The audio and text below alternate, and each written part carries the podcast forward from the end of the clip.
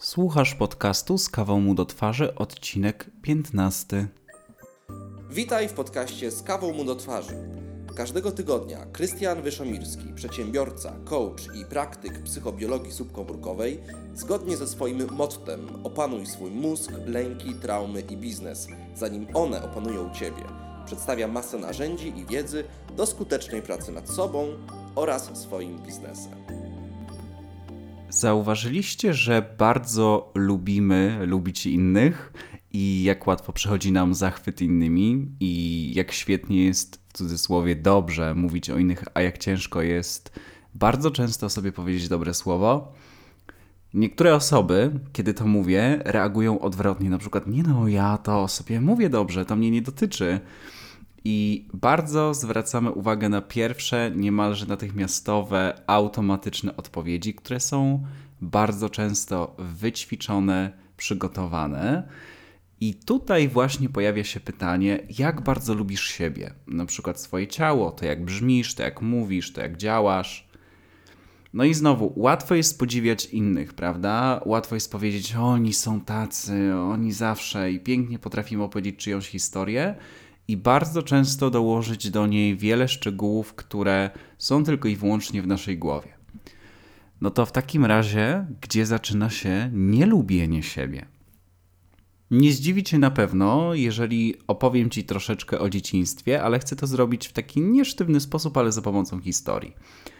Szkoła, czyli każdemu z nas znany obszar, a także wiem, że na wiele osób działa to alergicznie i szczególnie młodemu pokoleniu. Na nich działa to alergicznie i bardzo daje im to w nieprzyjemne emocje, co jest y, niestety teraz już powoli przejmowane za normę, biorąc pod uwagę nasz y, rozwój intelektualny, gdzie bardzo często potrzebujemy wiedzy na temat emocji, myślenia, mózgu, naszych zachowań, działania y, i niekoniecznie edukacja taka podstawowa zawsze tego dostarcza, ale to już jest każdego kwestia indywidualna. No ale dobra, szkoła. Pierwsze miejsce, gdzie jakkolwiek zderzamy się z oceną. Dziecko, tym razem nazwijmy ją na przykład Aneta, e, przynosi do domu ocenę, bo był sprawdzian i mówi: Mamo, mamo, zobacz, cztery na szynach ze sprawdzianu. No i co bardzo często robi mama? No, a co dostała twoja koleżanka? Co dostała jak z nią? No 5 plus. A widzisz, mogłaś się bardziej postarać. Widocznie ten test nie był taki trudny. Bardzo prosty przykład, jak wychowywać dziecko na oległe i podporządkowane innym. Jak sprawić, że jednocześnie takie dziecko będzie niestety, ale później miało taką postawę, która polega na tym, że ma poczucie winy, gorszości i jednocześnie takie dziecko jest bardzo często później uczone bezradności w trakcie życia. Niestety, ale takich przykładów jest bardzo dużo, szczególnie kiedy pracujemy nad samooceną. I tutaj, jako ciekawostkę, powiem, że taka rzecz zdarza się również u tych osób, które bardzo często nawet tobie być może zdarzyło się podziwiać, że dyrektor firmy, ten to ma wszystko, na pewno mu jest świetnie, naprawdę. Po, I podaję ten przykład z ocenami, ponieważ jest to kwintesencja postawy, z którą niektórzy spędzają całe życie, chyba że oczywiście pracują nad sobą. Taki Hanet w tym momencie jest kilkanaście albo i więcej. I być może nawet gdzieś, kiedy słuchasz tego podcastu, jakieś dziecko słyszy te albo podobne słowa. Być może nawet w tym momencie Twoja głowa wraca do tych wspomnień i to ma na nas właśnie ten silny wpływ emocjonalny, który wywiera na nas to, w jaki sposób jesteśmy wychowani. I tutaj chcę zaznaczyć: jesteśmy wychowani przez rodziców tak, jak nasi rodzice mogli to zrobić najlepiej, i tak jak nasi rodzice, nasi rodzice się nauczyli wychowywać nas. I teraz to jest nasza odpowiedzialność, żeby to, co wiemy, że w jakiś sposób nam uwiera, nie działa, żeby nad tym pracować. Z taką postawą żyjemy, i bardzo często zaczynamy się kłócić sami z sobą, ponieważ zaczynamy patrzeć na innych, zaczynamy się porównywać i wydaje nam się, że uczymy się bycia top, takimi perfekcyjnymi, pracusiami, zajętymi. I bardzo często robimy to tylko po to, aby dobrze inni o nas mówili, aby nikogo nie zawieść, aby ktoś nam nie zwrócił uwagi, że coś zrobiliśmy nie tak. No i niektórzy dywagują, że lubią sobie intelektualizować, że tacy po prostu są, że tak mają, że lubią szczegóły, ale w rozmowach na przykład wychodzi, że załóżmy odbyło się jakieś spotkanie, gość wyszedł niezadowolony, od razu ich nastrój spada. Albo ktoś coś powiedział na ich temat i od razu z tym siedzą cały dzień. Oznacza to, że jeszcze nie potrafią dostrzec, że tkwią w tym schemacie tak naprawdę, czyli oceniania siebie czy perfekcjonizmu. I moim zdaniem tak naprawdę nie boimy się tyle krytyki innych, ale to, co mamy w sobie, odpala w nas tak naprawdę to, czego my byśmy nie chcieli na swój temat pomyśleć. Na przykład budujemy tą perfekcyjną wersję siebie i staramy się zawsze zaspokajać kogoś lub coś. I tutaj jest ważne, żeby zauważyć, że bardzo często osoby, które dają nam wsparcie, w ich oczach jesteśmy ok, ale często dla wielu to nie wystarczy i próbujemy stawać się tacy, wiecie, wypielęgnowani, cudowni, żeby inni nas mogli podziwiać, i to świadczy tylko o niskim poziomie naszej samooceny. Boimy się bardzo często też tego, co zaczęło się w dzieciństwie, czyli wystawienia się na ocenę, pośmiewisko i zawsze pozytywne reakcje na to, co mówimy albo na to, co robimy. Żeby nie było, że o, twój brat był taki niegrzeczny, ty taki jesteś porządny, porządna, twoja siostra taka była i tak dalej, żeby nie, wy, żeby nie wyzwalać w sobie takich emocji, które są związane z porównaniem, prawda? Do tego wszyscy dążymy. Natomiast właśnie to, co spowodowało w nas bardzo często wychowanie, powoduje, że wracamy do tych wspomnień również. Do tego, jak byliśmy wychowywani, do szkoły, do tego, co ktoś kiedyś na nasz temat powiedział. I można to określić takim prostym zdaniem, w domyśle i w cudzysłowie, że jeżeli zrobię coś dobrze, i wydaje mi się, że ktoś może tego oczekiwać, ponieważ bardzo często to, że ktoś coś może oczekiwać, a w zasadzie zazwyczaj jest naszym urojeniem, to będę się czuć ze sobą dobrze. I to jest ta część nas i naszych zachowań, której potrzebujemy się oduczyć, żeby na niej się skupić, a można to zrobić za pomocą kilku prostych technik. E, możemy dotrzeć do źródła tego, czemu nie akceptujemy siebie, czemu nie lubimy siebie. Nielubienia uczymy się także za dorosłego życia. Ludzie naprawdę nie zdają sobie sprawy z tego, że jest ważne to, co mówią do siebie. To jest jedna z technik pracy nad sobą. Nie wiedzą, że nawet te w cudzysłowie niewinne żarciki, które mają na swój temat, wpływają na nich. Często podczas sesji zadaję klientom takie pytanie, jak często w trakcie dnia myślisz o sobie dobrze, albo jak często myślisz o sobie jako ekspercie, w samych superlatywach. I czasami po kilku, po kilku spotkaniach słyszę, że wiesz co, ostatnio dosyć sporo. Ostatnio dosyć sporo, ale to też wymagało pracy. I też za, zachęcam Ciebie do zadania sobie tego pytania. Jak często myślisz o sobie dobrze w trakcie dnia? Jak często myślisz o sobie fantastycznie, albo jako o ekspercie? A jak często, kiedy przychodzi u ciebie do myślenia na swój temat, masz bardzo takie nieprzyjemne myśli, które uniżają ciebie, gdzie biczujesz się po twarzy, gdzie po prostu siebie poniżasz?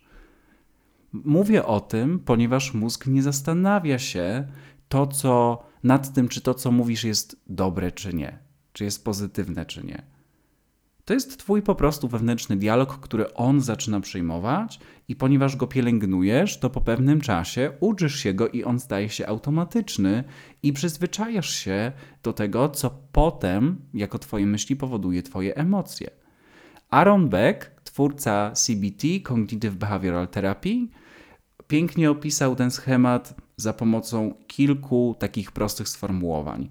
Myśl powoduje emocje, emocja powoduje zachowanie, i w ten sposób bardzo mocno przyłożył się do rozwoju psychologii i pracy nad sobą i pokazał i pięknie opisał, że każda myśl, którą mamy, będzie wpływała na nasze emocje.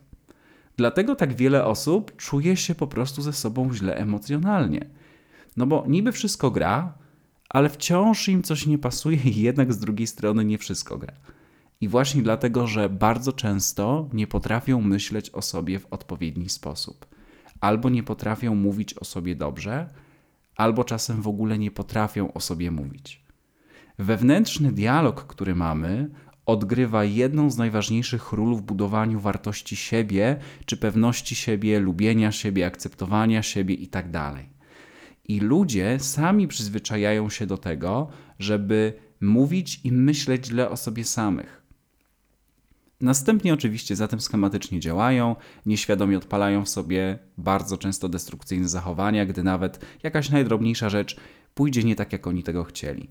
I potrafią pominąć całą pracę, którą wykonali i skupić się tylko na krytykowaniu siebie. I dlaczego tak jest? E, takie cztery powody. To pierwsze, co to jest poszukiwanie uwagi, bardzo często wyuczone bycie ofiarą, Trzecie, brak umiejętności zarządzania swoimi emocjami. I czwarte, zniekształcona tożsamość. Bardzo często szukamy uwagi u innych, bo potrzebujemy tej akceptacji, a niektórzy przyzwyczaili się do tego, żeby być ofiarami, i kiedy są tymi ofiarami i mogą po, po raz kolejny zwrócić się o pomoc albo wygadać się, otrzymują akceptację od innych. Czasem też pojawia się tak zwana właśnie zniekształcona tożsamość, czyli ktoś zaczyna na przykład się rozwijać, zauważa schematy, które kiedyś działały i nagle widzi, że coś zaczęło się w życiu im zmieniać, że na przykład manipulacje, które stosowali, czy zabieganie o uwagę przestały yy, tak dobrze wpływać na innych ludzi.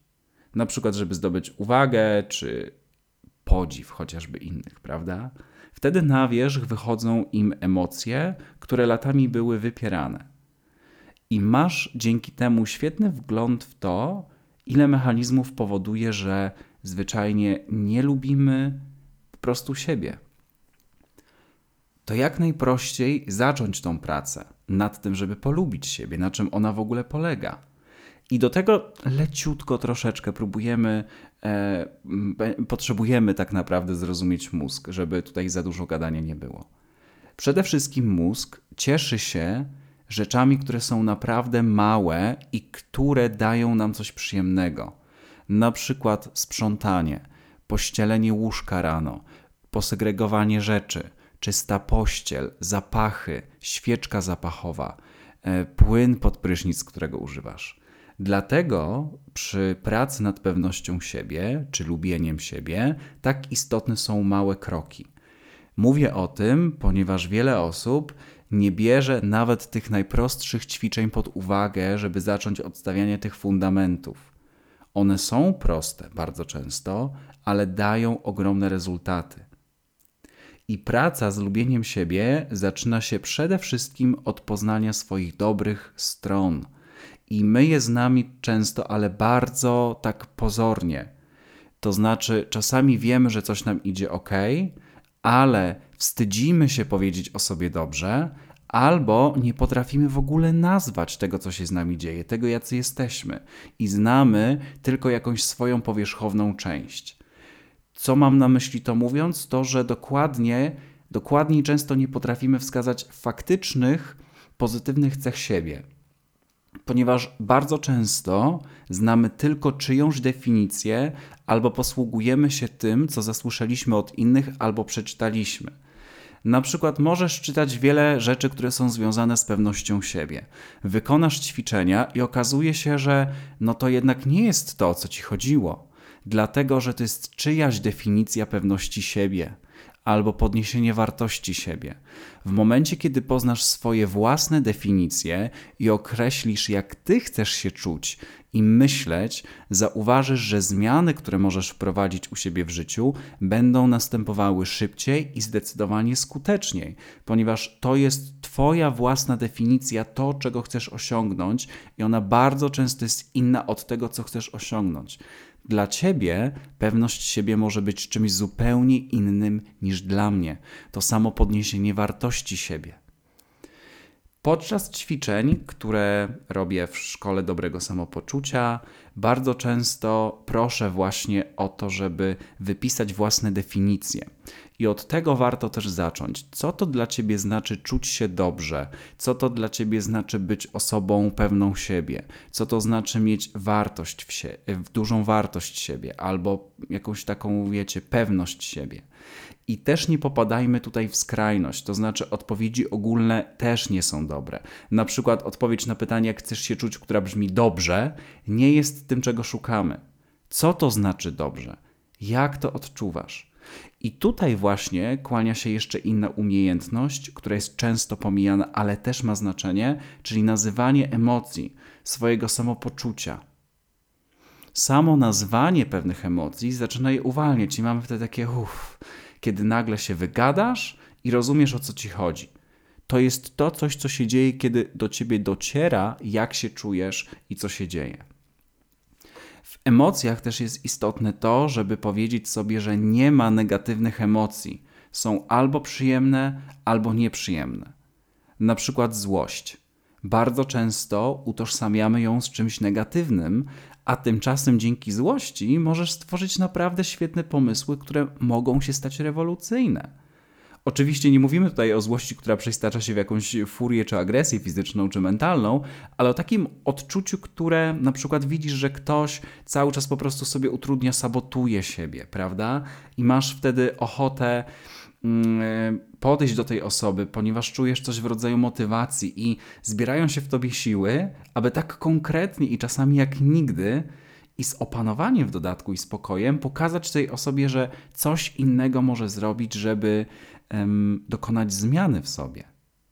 Dlatego przyglądaj się temu, co czujesz. Jeżeli nauczysz się odczuwać emocje i zachowywać się, ale nie reagować na nie od razu, ale posiedzieć chwilkę z nimi, nawet przez sekundę, zastanowić się, co chcesz zrobić z daną emocją, budujesz w sobie nie tylko postawę dojrzałej emocjonalnie osoby, ale także zdobywasz umiejętności, które przydadzą ci się na życie. Ponieważ kiedy przestaniesz reagować na emocje, zauważysz, że mniej rzeczy cię denerwuje. I zauważysz, że na przykład przestajesz podjadać, zapijać, że dzień się robi jakiś taki inny, jakby szum otoczenia znikał. Nagle dostrzegasz, że masz bardziej spokojną głowę, ponieważ zupełnie inaczej radzisz sobie z bodźcami, które przychodzą. I dzięki temu, że nauczysz się też być ze swoimi emocjami, przestaniesz typowo opierać się na opiniach innych, a trzeźwo zaczniesz patrzeć na fakty danej sytuacji. Pielęgnowanie w sobie tej umiejętności jest bardzo istotne i mam też podcast o tym, podcast numer 9, Wahanie nastroju, do którego Cię zapraszam, żeby um, po prostu go wysłuchać. Jeżeli chodzi o te fakty, właśnie, to Ty jesteś faktem. Ciekawym zdaniem, które bardzo często się pojawia, to jest po prostu jesteś. Tak jak każdy z nas, prawda? Jesteśmy, tacy jacy jesteśmy. Mamy w sobie coś, czego nie lubimy, i to są rzeczy, nad którymi pracujemy, mam nadzieję, które zmieniamy. Mamy rzeczy, które lubimy i które pielęgnujemy, albo też których nie widzimy. I to, jak widzą nas inni ludzie, to opinia o nas. Gdzie opinie na temat faktów to myśli innych ludzi na temat nas, ponieważ w tym przypadku faktem jesteśmy my. W głowach osób, które Cię znają, jest jakaś historia na Twój temat. I te obrazy mogą być zupełnie różne, bardzo podobne, czasami identyczne, i to są myśli innych.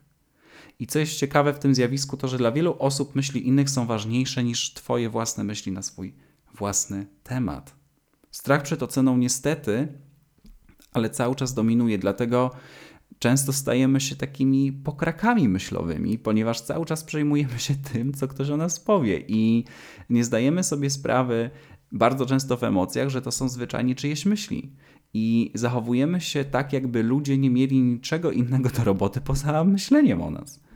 Popatrz na to, ile razy jesteś na przykład o krok od opublikowania czegoś, napisania czegoś, nagrania, stworzenia i przed twoją, przez twoją głowę po prostu przepływają obrazy i myśli, a co jeżeli, a co powiedzą.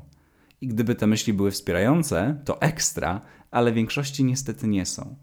Dlatego ten pozytywny wewnętrzny dialog, co wspomniałem wcześniej, jest istotny, ponieważ dzięki niemu przyzwyczajasz się do traktowania siebie w życzliwy i zdrowy sposób. I ten strach przed oceną nie ma dla ciebie znaczenia, bo wiesz, że dobrze myślisz na swój temat, że dobrze czujesz się ze sobą i że masz w sobie oparcie. I oczywiście wiecie o tych ćwiczeniach, które oferuję, czyli fakty i opinie, gdzie fakt to jest coś, na co zgodzimy się wszyscy, a opinie to są myśli na temat faktów, czyli nasz odbiór, który jest bardzo często nacechowany emocjonalnie. I tutaj mam dla przykładu dla Was taką historię. Jest sobie Aneta, która wychodzi na spotkanie i napisała do niej koleżanka, że jest akurat w okolicy i ma chwilę, więc Aneta bardzo chętnie spotka się właśnie z koleżanką ze szkoły na kawę. Aneta zapytała ją, gdzie, no i ta jej powiedziała, że spotkają się w kawiarni na ulicy Late 2. Dojedzie tam tramwajem 8 i 21 niech będzie. Aneta od razu wsiada sobie do tego tramwaju, spotyka się z koleżanką, a w międzyczasie pyta ją SMS-em, czy na miejscu mają, ma, mają może lunch, bo jest głodna, nie jadła niczego od śniadania, a dobije już 14. No i koleżanka odpisuje Anecie, że jasne jest jedzenie. Na miejscu okazuje się, że nie było miejsca dla nich i koleżanka dzwoni, że zmienia lokal na typową kawiarnię. Wita Anetę, uśmiechnięta, zapraszają do stolika i już czekają na nie dwie czarne kawy a Aneta pije tylko kawę z mlekiem owsianym. No i spotkanie przebiegło, Aneta wraca do domu zdenerwowana, myśli sobie, jak ta koleżanka tak mogła, tak samo robiła w szkole, o nic nie zapytała, wybrała nie ten lokal i kawę, co trzeba. Aneta jest głodna, sfrustrowana, ocenia w myślach koleżankę i dopisuje sobie, że zrobiła to specjalnie, że nie pomyślała o niej i nie zapytała nawet, czego się napije. to jest prosta historia, historyjka wręcz, a teraz zobaczmy na fakty i myśli Anety. Fakty na temat tej historii całej to Aneta została zaproszona przez koleżankę na kawę, Aneta pojechała na spotkanie tramwajem, na miejscu koleżanka zmieniła lokal, koleżanka Anety zamówiła dwie czarne kawy, w lokalu nie było jedzenia, Aneta zawsze pije kawę z mlekiem owsianym i Aneta była głodna. A pozostałe rzeczy to myśli na temat to myśli Anety na temat sytuacji, w której się znalazła, czyli na temat faktów. No i teraz ktoś, kto tego słucha, może powiedzieć: No dobrze, ale koleżanka Anety chciała dobrze. A ktoś inny powie: No dobrze, ale mogła ją zapytać faktycznie, czego się napijesz. I właśnie o to mi chodzi. To są właśnie fakty i opinie. I fakty i myśli. Właśnie tak to działa. Dlatego często w tej samej sytuacji wiele osób zareaguje inaczej, bo mają inny sposób myślenia i patrzenia. I właśnie o to bardzo często rozgrywa się cały dramat sytuacji. Dlatego często, kiedy my sami sobie coś wkręcamy, powoduje to w nas nieprzyjemne emocje, bo tak działa na nas myślenie.